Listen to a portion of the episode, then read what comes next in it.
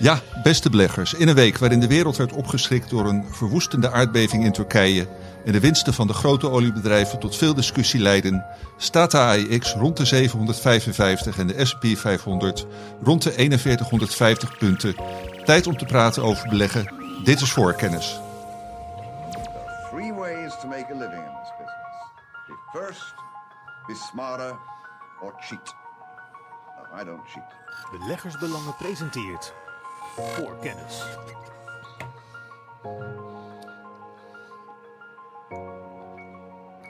Ja, beste beleggers, leuk dat jullie weer luisteren. Ik ben Johan Brinkman, mag vandaag weer de presentator zijn. Ik zit hier met Karel Merks en Hilde Laman. We gaan vandaag drie hoofdonderwerpen behandelen.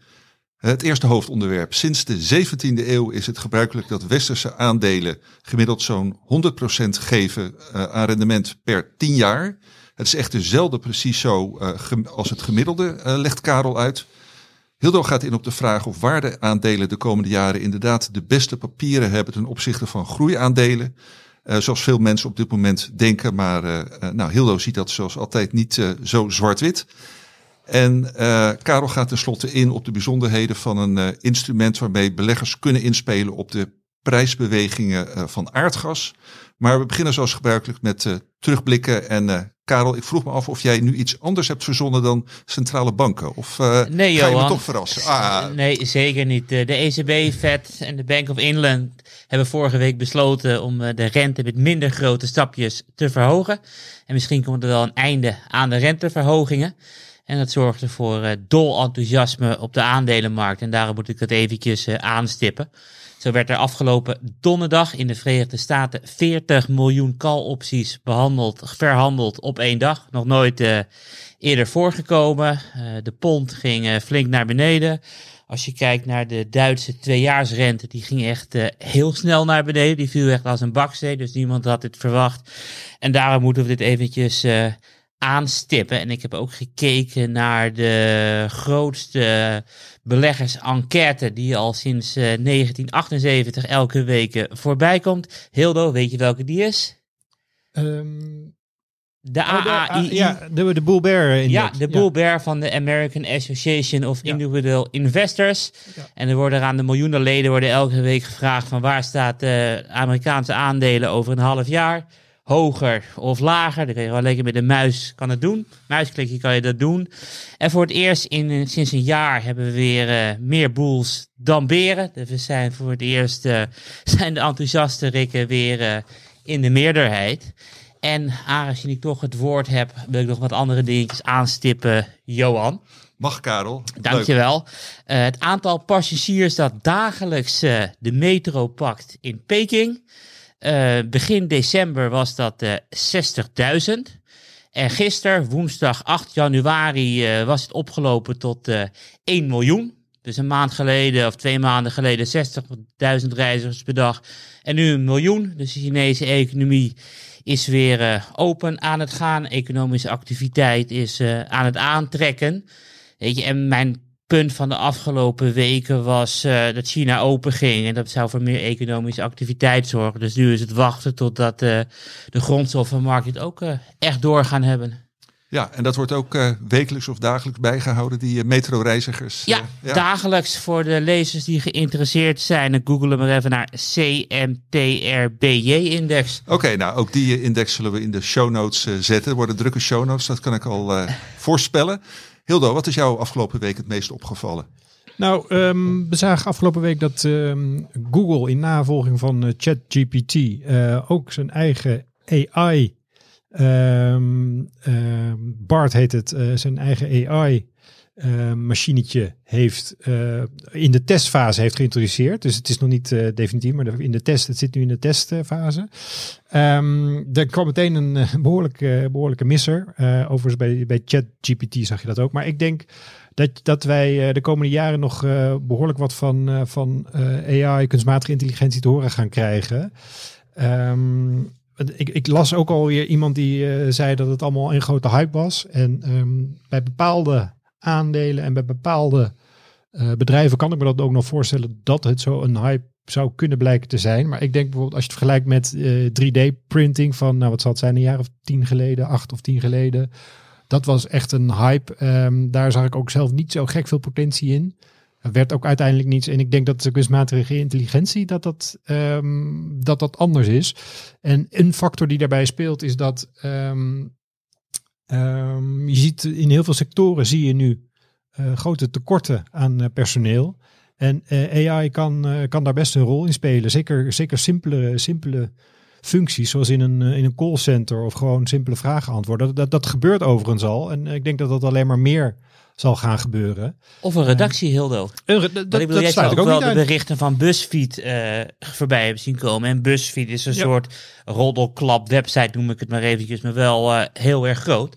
Er zijn alle redacteuren die zeiden er ontslagen. En er worden nu door kunstmatige intelligentie worden de artikelen geschreven. En het aandeel die ging van 40 cent naar 4 dollar. Dus ik denk dat, enorm. En ik denk dat we de komende jaren veel meer van dat soort berichten gaan zien. En ik denk dat de, de invloed veel groter zijn, zal zijn van, van kunstmatige intelligentie dan van eh, 3D printing, wat toch uiteindelijk een beetje een niche sector is gebleven. Dus, ehm, maar goed, ik, ik, heb het idee dat, dat, dat dit eerder het begin is dan, dan dit de, de piek is van, eh, laten we zeggen, de kunstmatige intelligentie op, eh, in de beursberichten. Ja, en heb jij dan al bepaalde aandelen die je in de gaten houdt, uh, Hildo, op dit gebied? Nou, ik zat al een t- tijdje te kijken naar bijvoorbeeld eh, Soundhound, een Amerikaans bedrijf die dus eh, een, soort, een soort koppeling maken tussen stem en, eh, en, en digitaal. Ehm, en dat aandeel is dit jaar, nou wat zal het zijn, verviervoudigd ongeveer. En ik moet het, het, het, als je kijkt naar de resultaten, het, ehm, het heeft een relatief lage omzet en een, enorm, een, een dik verlies. En dat hield, weer, hield mij er tot op heden van om, om dat zo'n aandeel echt te, te tippen. Ehm, en dat vind ik nog steeds een, een probleem. Want het is natuurlijk op de lange termijn is het heel moeilijk om te voorspellen wat de grote succesbedrijven zullen gaan worden. Kijk, wat je wel weet, eh, en Nvidia met de chips. eh, de ch- chips van Nvidia die, eh, die werken gewoon heel goed bij kunstmatige intelligentie.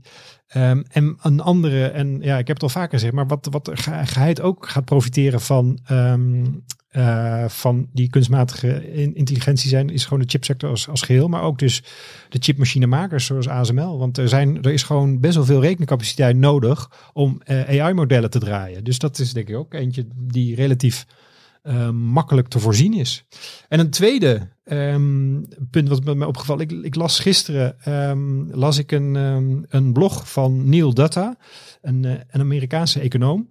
En die, die beklaagde zich erover. En eh, dat is mij uit het hart, gegeven. Maar die beklaagde zich over ehm, het steeds groter wordende aantal analisten. die één of hooguit twee eh, economische data pakken. eh, en daar meteen allerlei ehm doemscenario's aan hangen. Dus ehm, je pakt gewoon een, een, of andere, een of ander economisch cijfertje. en je voorspelt aan de hand daarvan een crash. En zijn probleem was dat hij vaak sterk het idee had dat die mensen van tevoren al eh, een crash verwachten en daar vervolgens eh, een leuke eh, cijfertje bij gaan zoeken ehm, om ehm, hun beeld bevestigd te zien. En dat is natuurlijk niet zoals een goede, goede analist te werk zou moeten gaan. Je moet niet met een voor, ehm, vooringenomen idee onderzoek gaan doen. Je moet onderzoek gaan doen en daar, aan de hand daarvan onderzoek, of, een, een conclusie trekken. En, ehm, en zijn punt ook in dat blog ehm, is dat, dat hij het vervelend vindt dat dit, dat dit, dit soort analisten ehm, gewone beleggen, gewone mensen af kunnen schrikken om te gaan beleggen. Omdat die eh, grote, continu grote headlines zien van eh, de crash komt, de crash komt, de crash komt. Waardoor die mensen eh, misschien helemaal nooit meer gaan beleggen. En, en wat er vergeten wordt, is, want crashes die gebeuren inderdaad. Maar in de jaren tussen crashes, ja, we, hebben, we hoorden het net al, in de jaren tussen crashes kan het 100% stijgen. En dat mis je dan ook als je, als je helemaal niet elke door de crash as. komt weer hoger uit dan de, Precies. dan de vorige crash. Want ik bedoel, zijn- die low van 87 Ja. hebben we nooit meer gezien. En dan ging het mis in de Azië-crisis tien jaar daarna. Maar het was wel veel hoger Ja. dan eh En, en zijn punt is dus 87. dat, Ja. dat, dat, dat bang maken, dat dat mensen zo, dat dat mensen zo kan afschrikken. En, en dat je dat uiteindelijk dus meer kwaad doet dan, dan goed. Ehm, kijk, waarschuwen voor een crash, dat is op zich, daar ben, ben ik ook niet tegen. En ik wil ook niet zeggen dat beurzen alleen maar omhoog gaan. Maar ik, eh, ik was het eh, helemaal met hem eens dat, dat de, de, bangmakerij, en, en dat is vooral uiteindelijk om aandacht te trekken, ehm, dat dat niet goed is. En ehm, eh, als het goed is, komt er een eh, linkje in de show notes. Ik zou zeggen, Nou, lees dat komt even. goed. Ja. Oké, hartstikke mooi. Dank jullie wel. En eh, ja, meteen maar eventjes eh, doorpakken op wat jullie eh, afgelopen week voor het magazine hebben gedaan. Hildo, pak jij daar even op door? Ja, ik heb ehm, vier ehm, stukjes geschreven over, de, over grote Amerikaanse technologiebedrijven. Dus de Amazon, Apple, dat soort, dat soort bedrijven. Wat, me, wat mij erop op, opviel was dat, ehm, en dat zag je eigenlijk het kwartaal daarvoor ook al, dat wat betreft de omzet valt het eigenlijk, omzetontwikkeling valt het eigenlijk allemaal wel mee. Is helemaal niet zo slecht. De winsten, dat is wel, ehm, dat is wel ehm, eh, de winsten zijn wel mager. Daar zijn verschillende redenen voor. Ehm, eh, en die, die, die verschillen per, eh, per bedrijf ook. Apple had bijvoorbeeld nog last van, van lockdowns in, in China. Ehm, eh, nou ja, Meta heeft weer hele andere problemen. Ehm, dus qua winsten is er nog, eh, ja, daar, daar was het echt wel, ehm, wel minder. Maar ik, het viel mij op dat qua omzet dat het eigenlijk helemaal niet zo slecht is. En op zich op de lange termijn is dat ook hoopgevend. Dat eh, bijvoorbeeld Amazon, ondanks dat 2022 eh, eh, veel minder goed was na de corona, is, is het eigenlijk ehm, zit de groei er nog steeds, eh, er nog steeds in. En dat vind ik, eh, dat is ergens dan ook weer knap. Wat bij Amazon dan wel weer heel jammer is, dat ze op een of andere manier ehm, winst eh, totaal niet kan interesseren, heb ik het idee. En dat is dan eh, voor, voor beleggers wel weer heel jammer. Maar goed, het, is, ehm, het was een beetje plussen en minnen. En uiteindelijk vond ik het allemaal niet zo slecht als het wel werd gepresenteerd in eh, de media. Dat werd gepresenteerd alsof het echt dramatische cijfers waren. En ik vond dat zelf wel weer meevallen. Ja, maar, Ja, maar daar daar klikken we op. Ja, Op die cijfers wordt natuurlijk ook, eh, of bij die eh, koppen wordt natuurlijk ook heel erg de nadruk gelegd op de eh, ontslagen die hier en daar vallen in de techsector. Maar voor de belegger is dat natuurlijk niet de enige. Nou ja, of misschien wel. het was ook her en der hoog tijd. Ja, ja. Maar heb jij een idee, Hildo, ehm, wat die mensen doen? En, en de reden waarom ik het vraag, we hebben nu 1, 2, 3 maanden worden echt mega ontslagen aangekondigd. Of het nou eh, bij Twitter is of eh, bij niet gebeursgenoteerde techbedrijven. En ondertussen kijk ik naar de Amerikaanse banencijfers. Die hebben weer een nieuwe high bereikt. De werkloosheid eh, is de laagste in meer dan 60 jaar. De werkweek eh, is zelden langer geweest eh, dan nu. Ehm, Ja, zijn dat van mensen Het die wordt- zoveel geld verdienen dat ze zeggen van we hebben even geen baan nodig, dus ik ga niet zoeken of zo? Nou, ik begrijp dat, Waar zijn dat die? ik begrijp dat in ieder geval de die en de techneuten die ontslagen worden, dat die redelijk makkelijk weer een andere baan vinden. Dus die gaan dan misschien ehm, naar andere bedrijven, andere sectoren. Dus niet, niet die grote techreuzen, maar andere, eh, op andere plekken. Eh, waar ze ook dat soort mensen nodig Ja. hebben. Want, want die zijn er genoeg. Maar ze zijn dus Ehm, niet in de cijfers te vinden, al die ontslagen. Je ziet ze gewoon niet. Nee, althans, nou ja, het zijn er worden meer banen gecreëerd dan vernietigd. zijn het heel goed betaalde, ehm, niet allemaal, ehm, eh, maar de, kijk, sales managers en IT'ers bij, bij dat soort grote bedrijven, die krijgen gewoon goed betaald. En die krijgen waarschijnlijk ook een, een hele mooie nou, oproeppremie, om het zo maar eens eh, Ja. te zeggen. Ehm, die, die hoeven misschien ook zich nu niet te melden, eh, direct te melden bij het arbeidsbureau. Die kunnen misschien een eigen bedrijfje beginnen. Ze kunnen misschien is het een halfjaartje gewoon aan, leuk met de kinderen gaan spelen, weet ik veel. Dus ik denk, eh, ik denk niet dat dit een, een typisch, eh, eh, dat, dat die ontslagen, dat dat per se een, een dramabeeld uh, Het is geen drama. Nee, Anders precies. had je het gezien. maar dat vind ik heel, heel erg opvallend. Want dan lijkt Ja, het dat is zeker. en Maar, gloom in de techsector. Maar als je ontslagen wordt, omdat het inderdaad een van de... Iemand uit de bovenklasse is, zie je niet in de statistieken. nee, Ah. Oké, eh, Karel, wat heb jij eh, afgelopen week eh, geschreven voor Beleggersbelang? Van alles en nog wat. Van een artikel over het verzekeren van Italiaanse staatsobligaties en de prijzen daarvan en ontwikkeling. Nog een twee pagina educatieartikel over het beleggen in goud. Een analyse van uh, Total Energy. Nog even uh, wat forumvragen beantwoord, onder andere over India. Dus dat is weer een uh, veelzijdige week. En ook al praten wij een uurtje over beleggen hier, de luisteraars die geen abonnees zijn van beleggersbelangen missen echt heel veel volgens mij. Ja, die missen echt uh, verschrikkelijk veel. En uh, wat ze niet missen, dat is uh, het antwoord op een paar vragen die luisteraars gesteld hebben afgelopen week aan Karel en Hildo in nou, de wetenschap dat beide heren hier vanmiddag zouden zitten. En Hildo, aan jou is uh, de vraag gesteld, hoe kan het ook bijna anders, hoe jij uh, de toekomst van ASML ziet uh, na alle ja, restricties die worden opgelegd of die dreigen te worden opgelegd eh, met betrekking tot, eh, tot China. Kun je daar eh, kort en krachtig iets over zeggen? Nou, het is vooral dat laatste dreigen, want er is nog niks definitief bekendgemaakt. Ehm dus, dus we kijk, de details zijn niet bekend en dat maakt het ook heel moeilijk om daar een heel precies antwoord op te geven. Van het gaat zoveel procent omzet schelen, dat soort antwoorden, dat kan ik gewoon simpelweg niet geven. Dat kan ASML ook niet. Maar wat ik wel opvallend vind is dat ASML, ehm, ondanks die geruchten, en die hebben ongetwijfeld weet ASML meer dan dat ik weet. Ik, het lijkt me heel sterk dat ASML hier totaal buiten deze discussie is Maar ze gehouden. ontkennen het wel, hè? Want ik bedoel, ik heb dus naar de analistencall eh, geluisterd.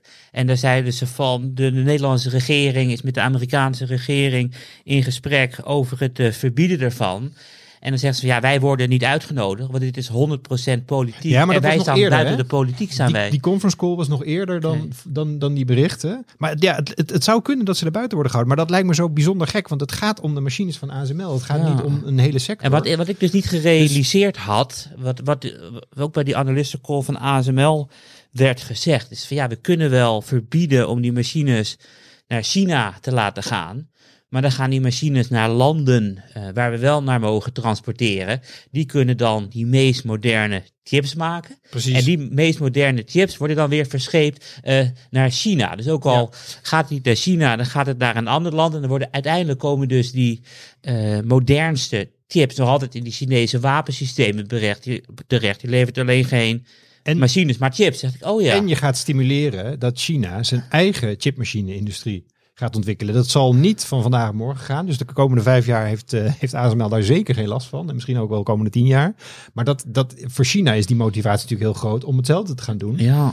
Ehm, of om het, en om het beter te gaan doen, uiteraard. Dat, dat, althans, dat hopen ze. Maar het is, het is niet heel, heel makkelijk. Dus op, zeker op korte termijn ben ik daar totaal niet bang voor. En ik denk ASML ook eerlijk gezegd ook niet. Maar nog even kort om terug te komen op de vraag wat, wat mijn idee hier, of of, ja, wat ik ervan vind.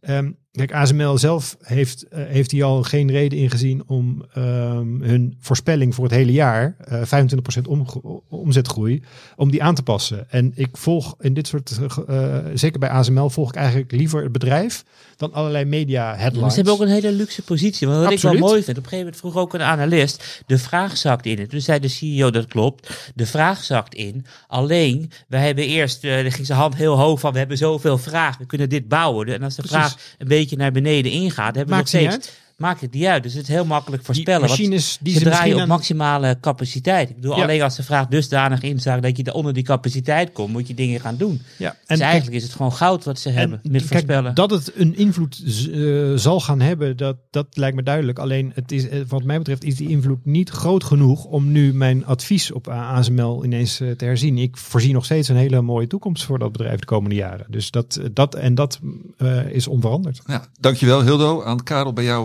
waren twee eh, vragen terechtgekomen over jouw eh, advisering op de oliebedrijven en eh, op, op Netflix. Klopt. En bij een van de olie majors, zoals dat heet, heb jij van de week een draai gemaakt. En ja, de, deze luisteraar vraagt zich af van waar die draai? Ja, volgens mij was het de, die, die draai van van de week. Ja. Maar de draai van een paar weken geleden toen wij aflevering 100 hadden eh, van de podcast. Ja, Een van de leukste uitzendingen die we gemaakt hebben. En ik heb dus dan nog eventjes een heleboel weken ervoor in december heb ik dus de adviezen in de koerswijze van beleggersbelang heb ik allemaal op houden gezet. ja. En de vraag is van ja, als alles op houden zet, waarom zet je dan in die eh, jubileum podcast? kwam een lezer met een vraag van eh, welk aandeel zou je eh, privé eh, minimaal vijf jaar vasthouden? En waarom kies je dan een olieaandeel uit terwijl je net meerdere naar houden hebt gezet? En kijk, en de reden is van, ik ben eigenlijk altijd tot oktober 2020 negatief geweest over grondstoffen en oliebedrijven. Weet je, en sindsdien zijn de rendementen van de oliemeters niet in één, niet in twee, maar in drie cijfers uitgedrukt. En ik, ook al ben ik nog steeds enthousiast, ik denk dat de komende twee jaar sowieso de rendementen van de oliemaatschappijen niet eh, in drie cijfers zullen worden neergezet, maar waarschijnlijk eh, in twee. Kijk, en omdat het mooiste al geweest is, heb ik het eh, teruggebracht naar houden. Maar ja, wat is houden? Volgens mij is het niks anders van vasthouden wat je eerder eh, gekocht hebt. En op het moment dat je gewoon aandelen hebt met zulke mooie rendementen, zorgt het er al voor dat de weging in je eigen portefeuille van die oliebedrijven ook een stuk hoger is. En van mij hoeft het niet eh, nog een heel stuk hoger. Kijk, en, de vraag in de podcast was vijf jaar aanhouden en je mag geen, eh, je mag niet eerder verkopen. Dus het was wel puur theoretisch. Dus ja, toen zei ik in die 100, eh 100ste jubileumafdeling, koop Chevron. Want het is een hele mooie dividend aristocrat. Al 35 jaar gaat de dividend eh, elk jaar omhoog. Ze hebben zoveel cash dat ze een hele hoge kredietrating hebben van de kredietbeoordelaars. Kijk, en zolang blijkt dat er niet meer olie uit de grond komt, zie ik eerder een opwaartse druk op de prijzen dan een neerwaartse druk. De Chevron is eh, lager dan eh, gemiddeld gewaardeerd. En de aandelenmarkt eh, is ietsje pietje duurder eh, dan dat. Dus daarvoor zei ik eh, Chevron. Ja, en dat is dan ook een aandeel wat jij privé in portefeuille hebt, Chevron. Ja, dat Ja. klopt. Dat klopt. helder. Dat klopt. Oké, en de tweede vraag die er voor jou binnenkwam betrof Netflix. Ja. Wat kun je daarover zeggen? Hmm. De vraag was van Karel, ik lees je stukjes eh, over Netflix altijd in de beleggersbelangen.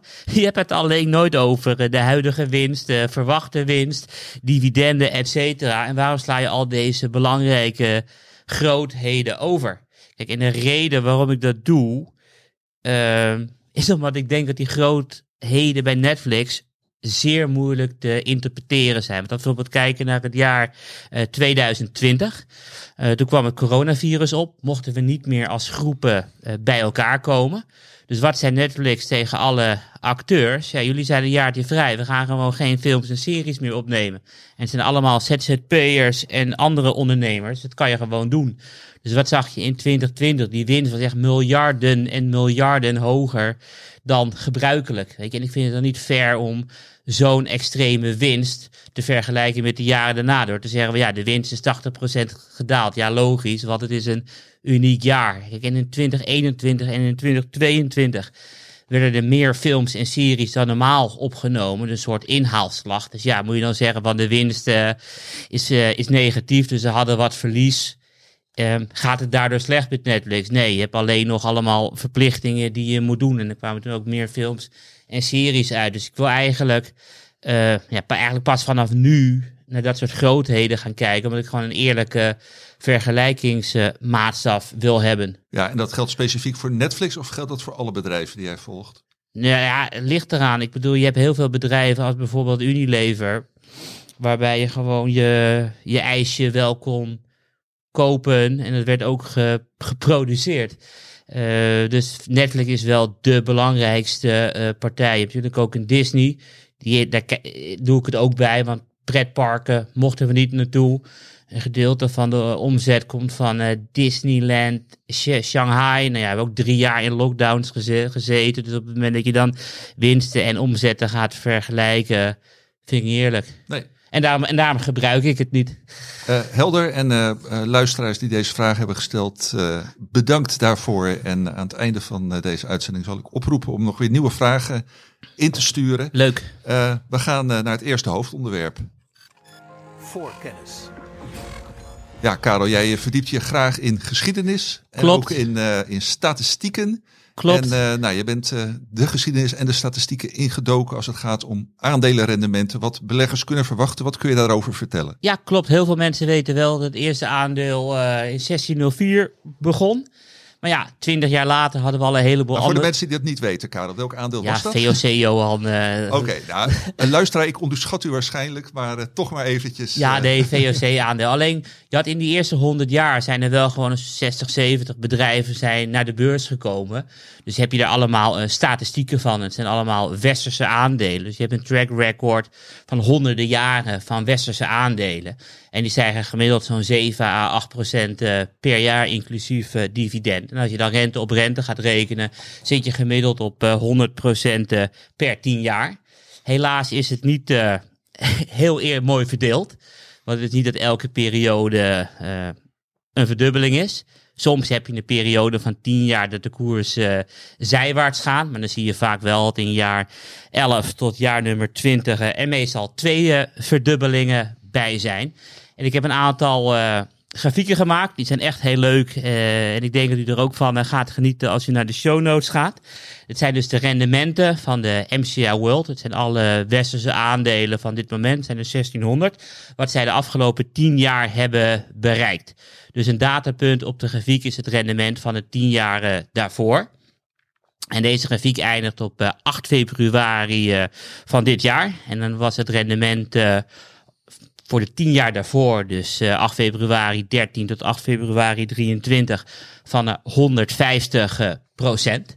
Dus de afgelopen eh 10 jaar waren echt eh, ja, beter dan dat de belegger eh, op had mogen rekenen op het moment dat je kijkt naar data van de afgelopen honderden jaren. En in die grafieken echt zijn al zoveel leuke dingen te halen. En ik vind het vooral heel interessant van wat gebeurt er op het moment dat er eh 0% rendement is. Dat zie je bijvoorbeeld eh, eh, twee keer gebeuren in eh 83 en in eh 2009. Dus was het rendement echt tien jaar daarvoor was gewoon eh 0%. En als je dan kijkt wat er gebeurde vanaf 2009, dan was er eh 300% eh, rendement. En vanaf 1983 was er eh 280% rendement. Dus vaak zie je heel vaak gebeuren dat ze de afgelopen 10 jaar heel erg slecht waren. Dan zijn de 10 jaar daarna altijd eh, heel erg goed. En wat kun je hier nou mee als eh, particuliere luisteraar die denkt, eh, nou ik wil deze lessen in de praktijk gaan brengen vanaf nu? Oeh, meerdere. Ehm, laat ik eerst voor, me, voor mezelf beginnen. Kijk, op het moment dat het rendement veel slechter is dan je had verwacht, dan mag je dus een veel hoger rendement verwachten. En persoonlijk eh bespeel ik het altijd via ITS, want op het moment dat werkelijk eh, alles omhoog gaat, dan maakt het niet zoveel uit eh, wat je koopt.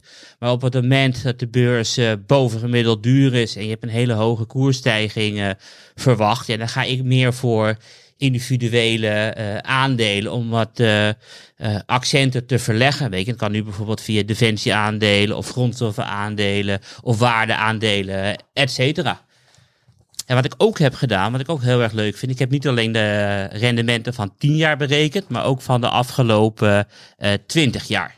Kijk, en je zou dus verwachten dat eh, als je 100 euro hebt, dat het in 20 jaar twee keer zou verdubbelen. Dus 100 euro eh, wordt 200 euro, 200 euro wordt 400 euro en dan van 100 euro naar 400 euro te gaan, verwa- verwacht je dus dat in een periode van 20 jaar er zo'n 300% eh, rendement is. Kijk, in de afgelopen 20 jaar zitten we op ruim eh, 500%. Dus die periode was ook echt eh bovengemiddeld goed. Alleen aandelen zijn duur, maar niet eh, extreem duur. Want eh, ik heb ook nog een derde grafiek gemaakt. Die vind ik ook heel erg leuk. Het is 30 jaar.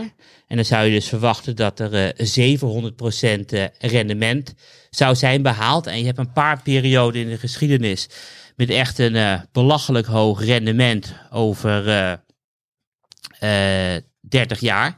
En eentje eindigt dan in, eh, in 2007. Dus dan kijk je van 77 tot 2007. Toen was er dus 3000% rendement behaald eh, met westerse aandelen. Dat was echt veel meer dan die 700 waar je op mag rekenen. Nou, ja, we weten wat er gebeurd is eh, tussen 2000 en eh 2003. Toen ging de AX min 70%.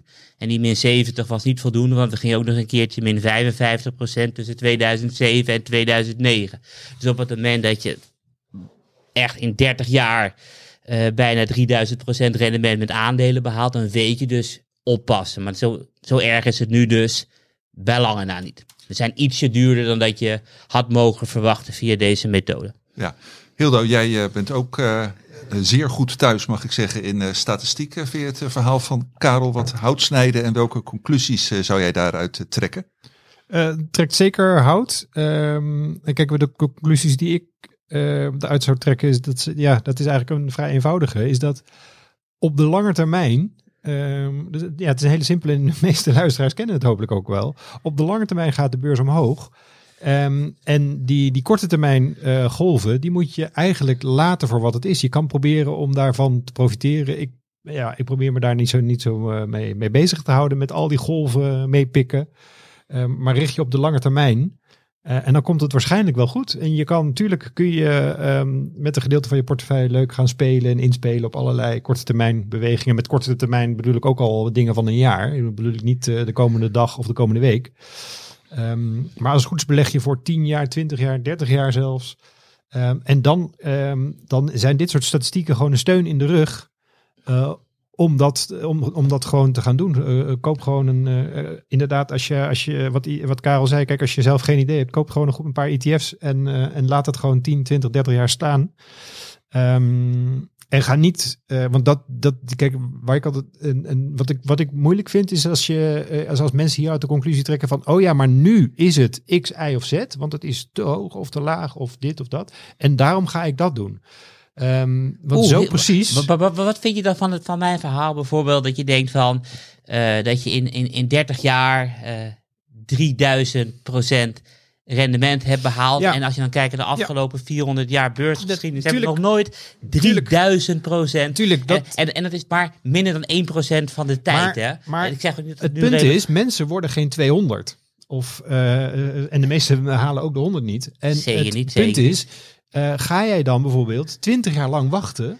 Nee, nee, helemaal niet. Want op het moment. Nee, en dat is wat ik- en dat is wat ik De bedoel. keren dat het eh, duizenden procenten omhoog spuit, dan zie je altijd of het nou eh, een 2000 is met een min 70% voor de AX. Ja. Dus het enige wat je doet is je wacht één jaar en het is misschien 2% in de tijd. Kijk, en soms hebben we ook een periode van 10 jaar dat we 0% eh, rendement hebben behaald. Je zegt van ja, dan moet je gewoon beleggen. Dan is het gewoon belangrijker dan dat je er vandaag in zit. In plaats van van morgen. En als er Ja. een 87 crash is, dan is het gewoon eh, eh, kopen, omdat gewoon het verwachte rendement stijgt, omdat het Ja. verleden zo slecht geweest is. Ik zeg ook niet dat je, dat je blind moet kopen, maar waar, waar ik nogal. ehm, ik heb het vermoeden dat er mensen zijn die zich door dit soort dingen gewoon laten afschrikken. En dus als conclusie, wa- waar, waar ik het eerder ook al over had, dan maar niet gaan beleggen. En, nee, nee, nee, dat klopt. is Maar als je dan naar die drie grafieken verkeerd kijkt, dan is gebruik het- van deze, eh, deze Ja, ja. grafieken. En dat is wat ik bedoel. maar dat zeg ik ook zeker niet. eh. Nee. Ik bedoel, en, en voor, de, voor de disclaimer, ik eh, zei het van de week ook al op Twitter. Dit is eigenlijk voor het eerst in een hele lange tijd dat ik eh 100% eh, belegd ben in van alles en nog wat.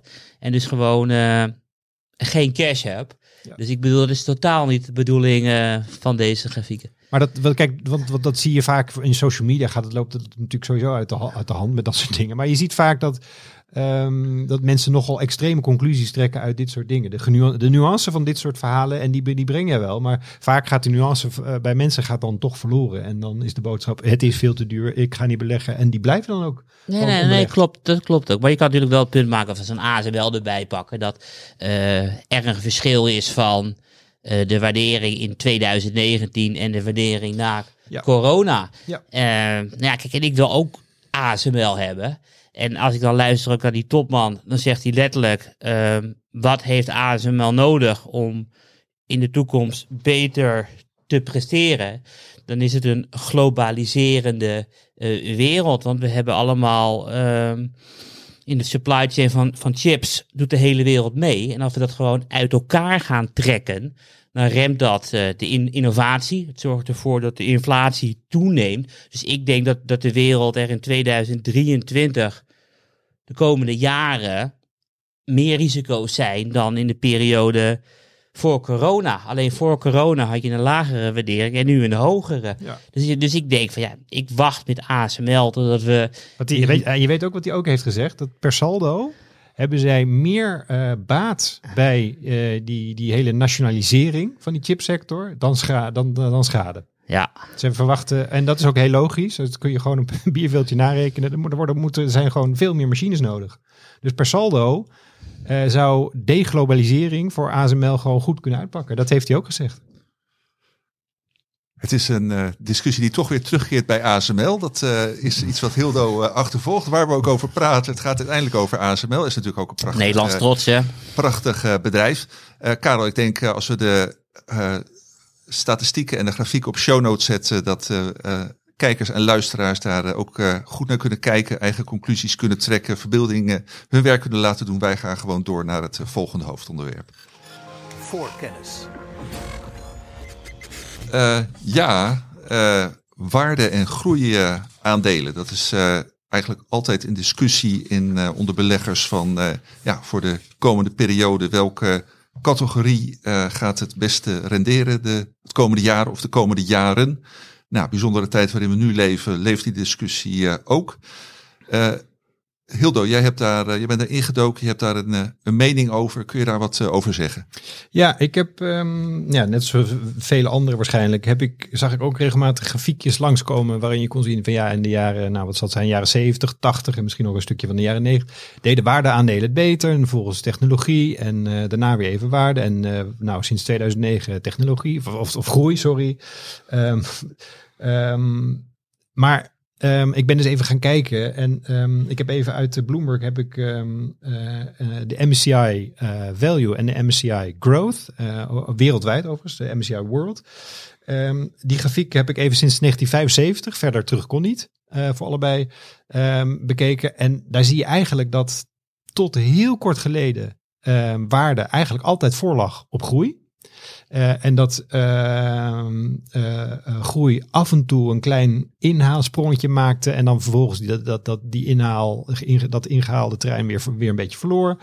En pas eigenlijk sinds 2020 is ehm, groei voorbij waarde gekomen. Dus dat beeld van dat er lang, langdurige periodes zijn waarop een van de twee het veel beter doet dan de ander. Dat zag ik niet zozeer in die grafiek. Ik heb het voor Amerikaanse S&P eh, heb ik het ook bekeken. Daar eh loopt de, de, die twee, eh, de waarde en de groei, die lopen niet verder dan eh, terug dan 95. Dus ehm, dat geeft ook weer niet een heel goed beeld. Alleen eh, daar zag je gewoon heel duidelijk dat groei het gewoon sindsdien eigenlijk beter heeft gedaan. En ook daar zitten wat kleine schommelingen in. Maar ook daar is geen. Daar, daar, daar kan ik geen ehm, eh, patroon zien van stuivertje wisselen. De ene periode de een en de andere periode de ander. Dus ik, ja, ik heb zelf nog niet echt een bewijs gevonden dat er echt heel duidelijk ehm, wisselingen zijn eh, van periodes. Ehm, maar buiten dat heb ik ook nog eh, wat andere problemen. Laat ik eerst even uitleggen. waardeaandelen, dat zijn eigenlijk aandelen die op een of andere manier in een bepaalde factor relatief laag scoren. Dus bijvoorbeeld eh, de eh, koers-boekwaardeverhouding, eh, ehm, eh, de koers-winstverhouding kan, kun je ook gebruiken, koers-omzetverhouding. Dus je, je, pakt gewoon ehm, dat soort op zich niet zo hele spannende waarderingsmaatstaven. Ehm, je rangschikt bedrijven en je zegt, oké, de bedrijven die hier relatief laag op scoren, dat zijn dan de waardeaandelen en de rest, dat zijn de groeiaandelen. Ja, kun je in beide categorieën een paar voorbeelden noemen die iedereen eh, kent? Ehm, nou, bijvoorbeeld, nou, we hebben het net al gehad. Een typische groeier is, is natuurlijk ASML. Ehm, en, ehm, eh, bij de, ja, en bij de waarde zitten er eh, eh, zitten bijvoorbeeld eh, in, eh, over Europese tech gesproken zit bijvoorbeeld eh, Nokia. Dat, eh, dat eh, nauwelijks eh, groeit. En, en, en, en dat is ook meteen eh, een, eh, een van de eh, problemen die ik heb met, met, met deze manier van werken.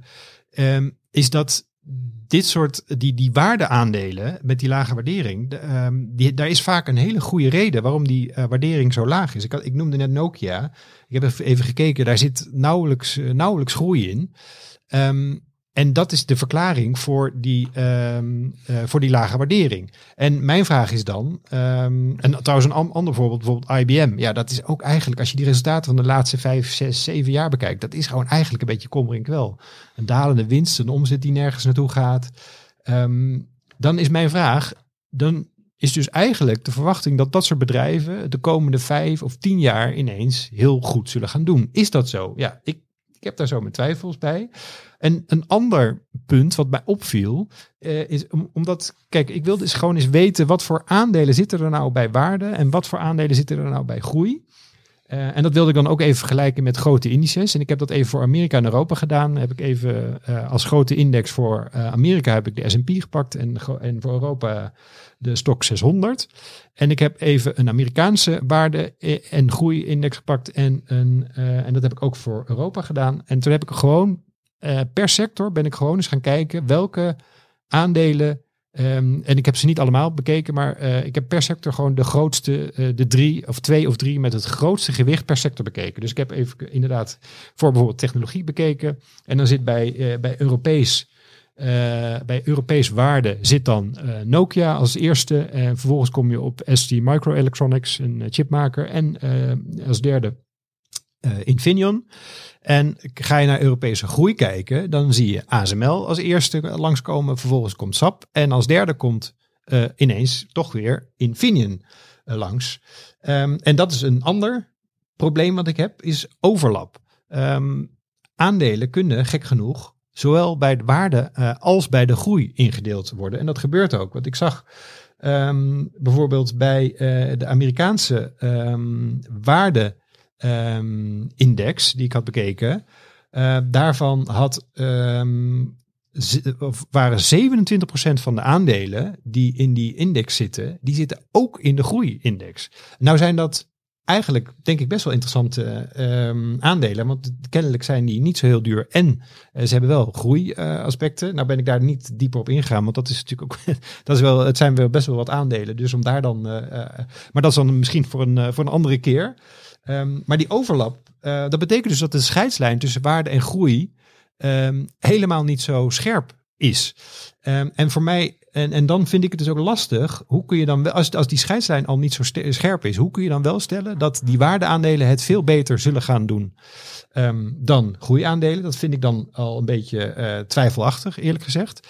En nog een probleem wat ik heb met het hele verhaal is dat ehm, die samenstelling eh, in de loop der tijd kan veranderen. Want eh, stel dat een, een waardeaandeel, stel dat Nokia eh, het schip weet te keren, het ineens heel, heel goed gaat doen en dat aandeel gaat ineens door het dak, dan wordt het vanzelf een groeiaandeel. En op een gegeven moment valt het uit die categorie waardeaandelen. En ehm, dus, dus op, die, op die manier verschuiven de succesvolle aandelen, die, die, worden, die vallen dan af als waardeaandeel. En als jij voor tien jaar lang in eh, waardeaandelen zou willen beleggen, is dat natuurlijk wel jammer dat degene die dan een succes worden, dat je dan daar misschien al relatief vroeg ehm, afscheid eh, van moet nemen als je dat via bijvoorbeeld via zo'n een index, zo'n waardeindex ETF zou doen. Ja, Dus maar het ik- hele onderscheid tussen die twee categorieën en de discussies die daarover eh, worden gevoerd, die zijn wat jou betreft toch gewoon eh, ja, niet relevant voor de Nou, particulier? Nee, ze, ze zijn wel relevant. Alleen ik, ik, ik, ik zie het gewoon simpelweg. Ja, je zei het net al. Ik zie het simpelweg niet zo zwart-wit als van nou, eh, waardeaandelen zijn goedkoop en gaan het nu heel goed doen. En, en groei, dat, dat wordt niks. Zo weer zwart-wit zie ik het simpelweg niet. Ehm, ik, zie het. En eh, ja, kijk, wat, wat mijn eigenlijk wat mijn belangrijkste conclusie was. ehm, als ehm, de, laten we zeggen, de, de fans van de waardeaandelen voor de komende jaren. Als die gelijk krijgen dat waardeaandelen het beter gaan doen, dan denk ik dat het eigenlijk eh, dat de boodschap is dat stockpickers het de komende jaren heel goed gaan doen. Want ik verwacht niet dat al die waardeaandelen, al die bedrijven die in die waardegroep zitten, dat die het de, eh, de komende jaren ineens veel beter gaan doen dan de afgelopen jaren. Want vaak zijn er heel, veel, heel goede redenen voor waarom bedrijven eh, in zo'n waardecategorie zijn gevallen. Eh, de markt is veranderd, de concurrentie is gewoon simpelweg te sterk, regelgeving is veranderd. En ehm, je ziet toch niet zo heel vaak dat bedrijven dat, ehm, dat kunnen keren.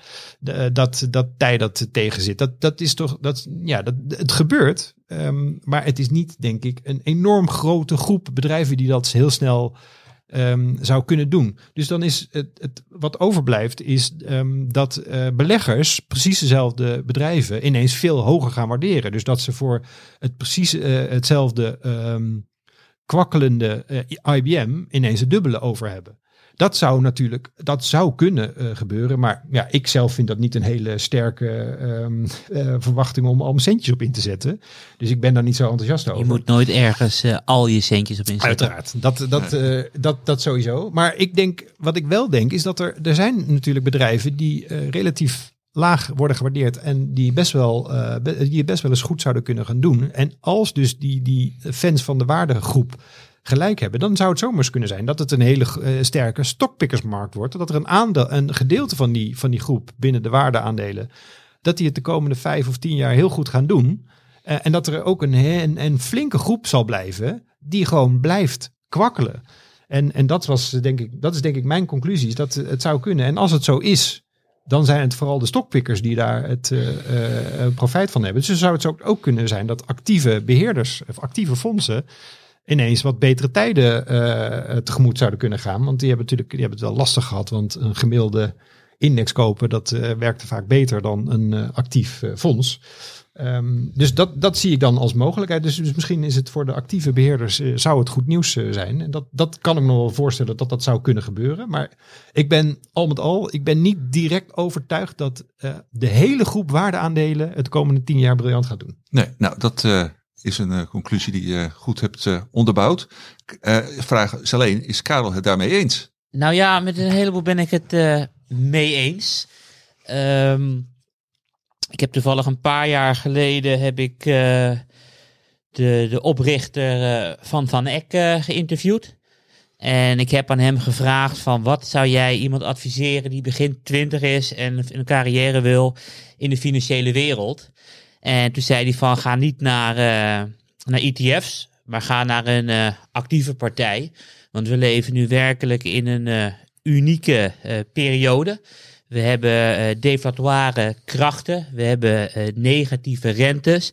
En het gaat een keertje eindigen. En op het moment dat er weer inflatie komt, wo- komt er ook weer een, eh, een stokpikkersmarkt, omdat de centrale banken je niet altijd meer eh, te hulp schieten. Dus kies voor die individuele aandelen als je begint met 20 bent en in een carrière in de financiële wereld. En Hilde hoorde ik vaak zeggen van een stokpikkersmarkt kan terugkomen. En daar geloof ik ehm, ook echt in. Ik ben wel een iets duidelijker mening dan Hildo, denk ik, over wat nou werkt, waarde of groei.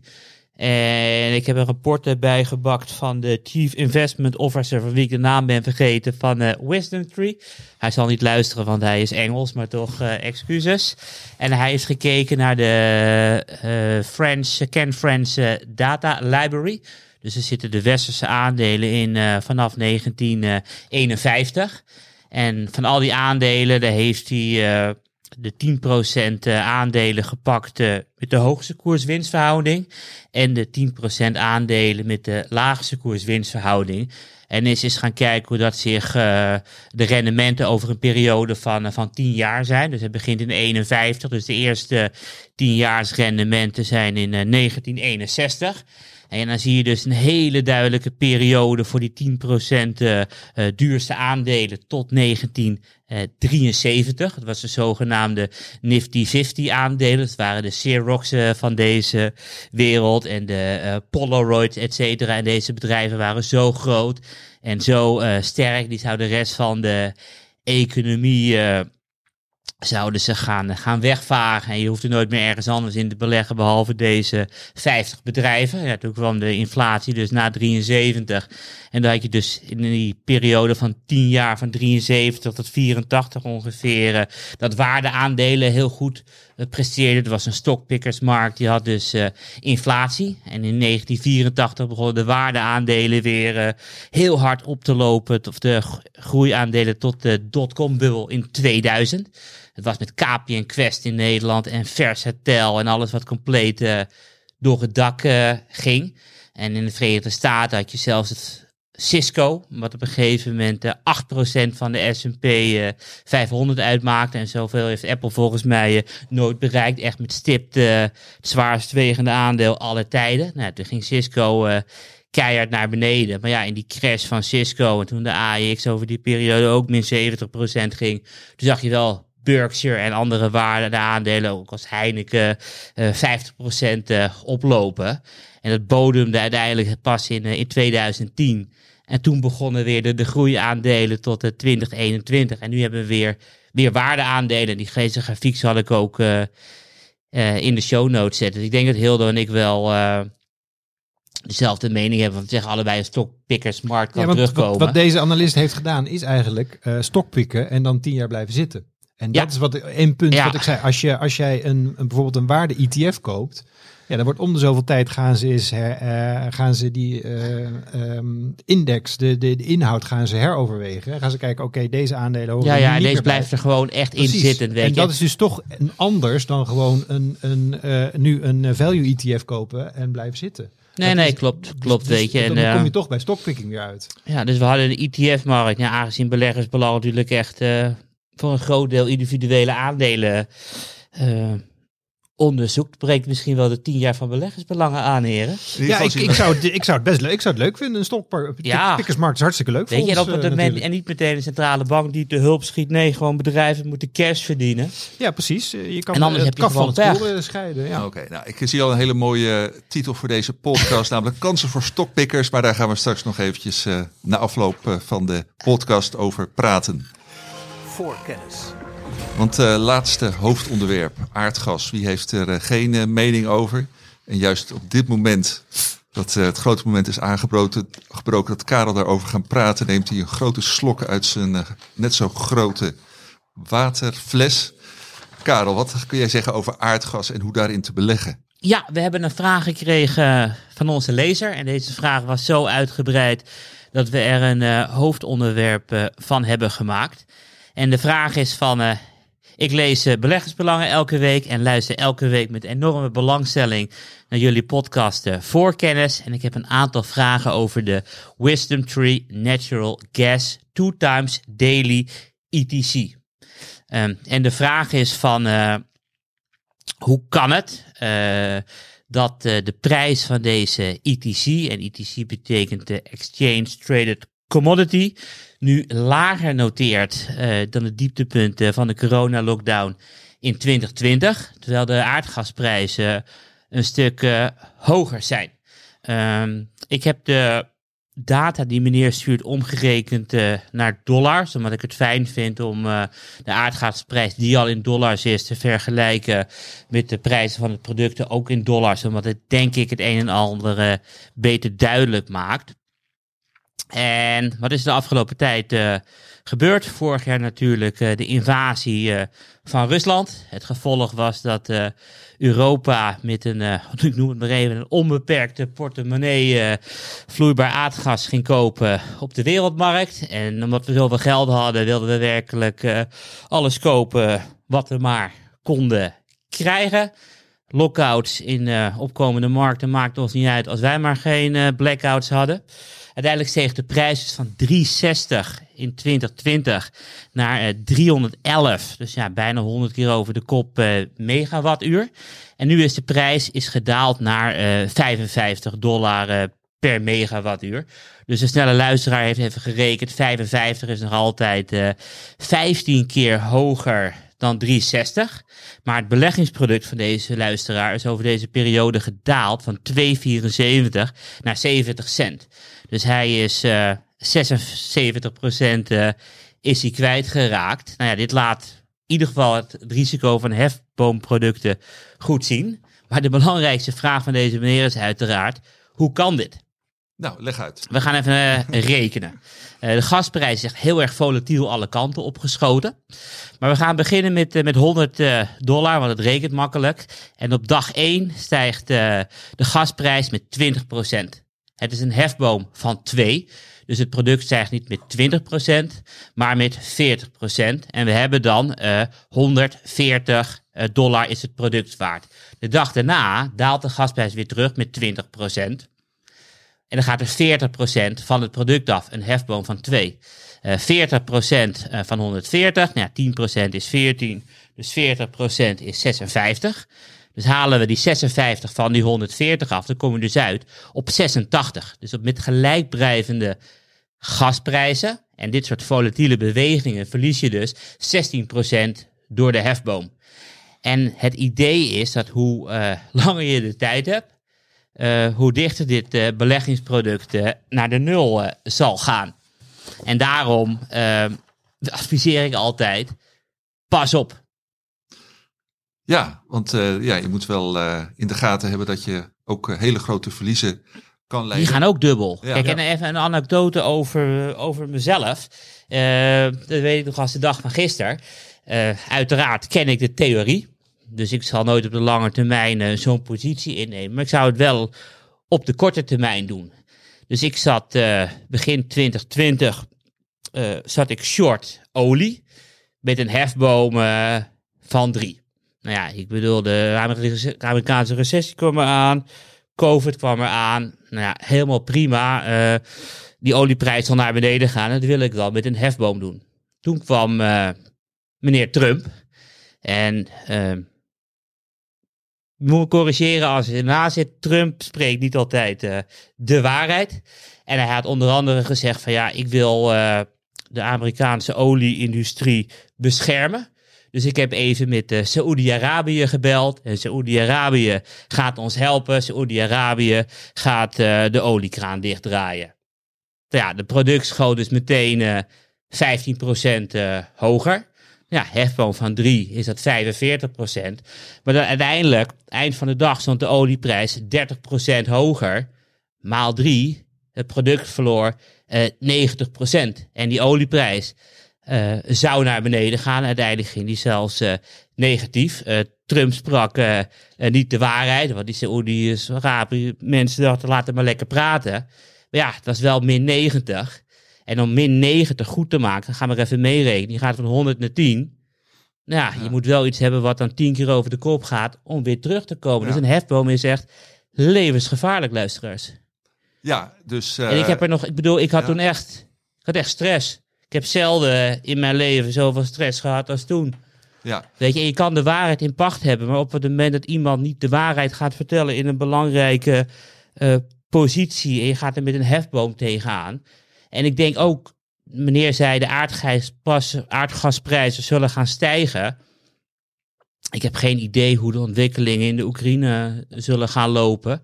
En er zullen ook verrassingen uit de hoed komen die de luisteraar niet bedenkt. Ja. En één ding is zeker, hoe langer je wacht, hoe groter de kans is dat het beleggingsproduct naar nul gaat. Oké. Okay. En uh, hefboom is levensgevaarlijk, uh, waarschuw jij. Uh, maar goed, je bent ook zo eerlijk om te zeggen dat je jezelf ook wel eens aan bezondigt, mag ik dat zeggen?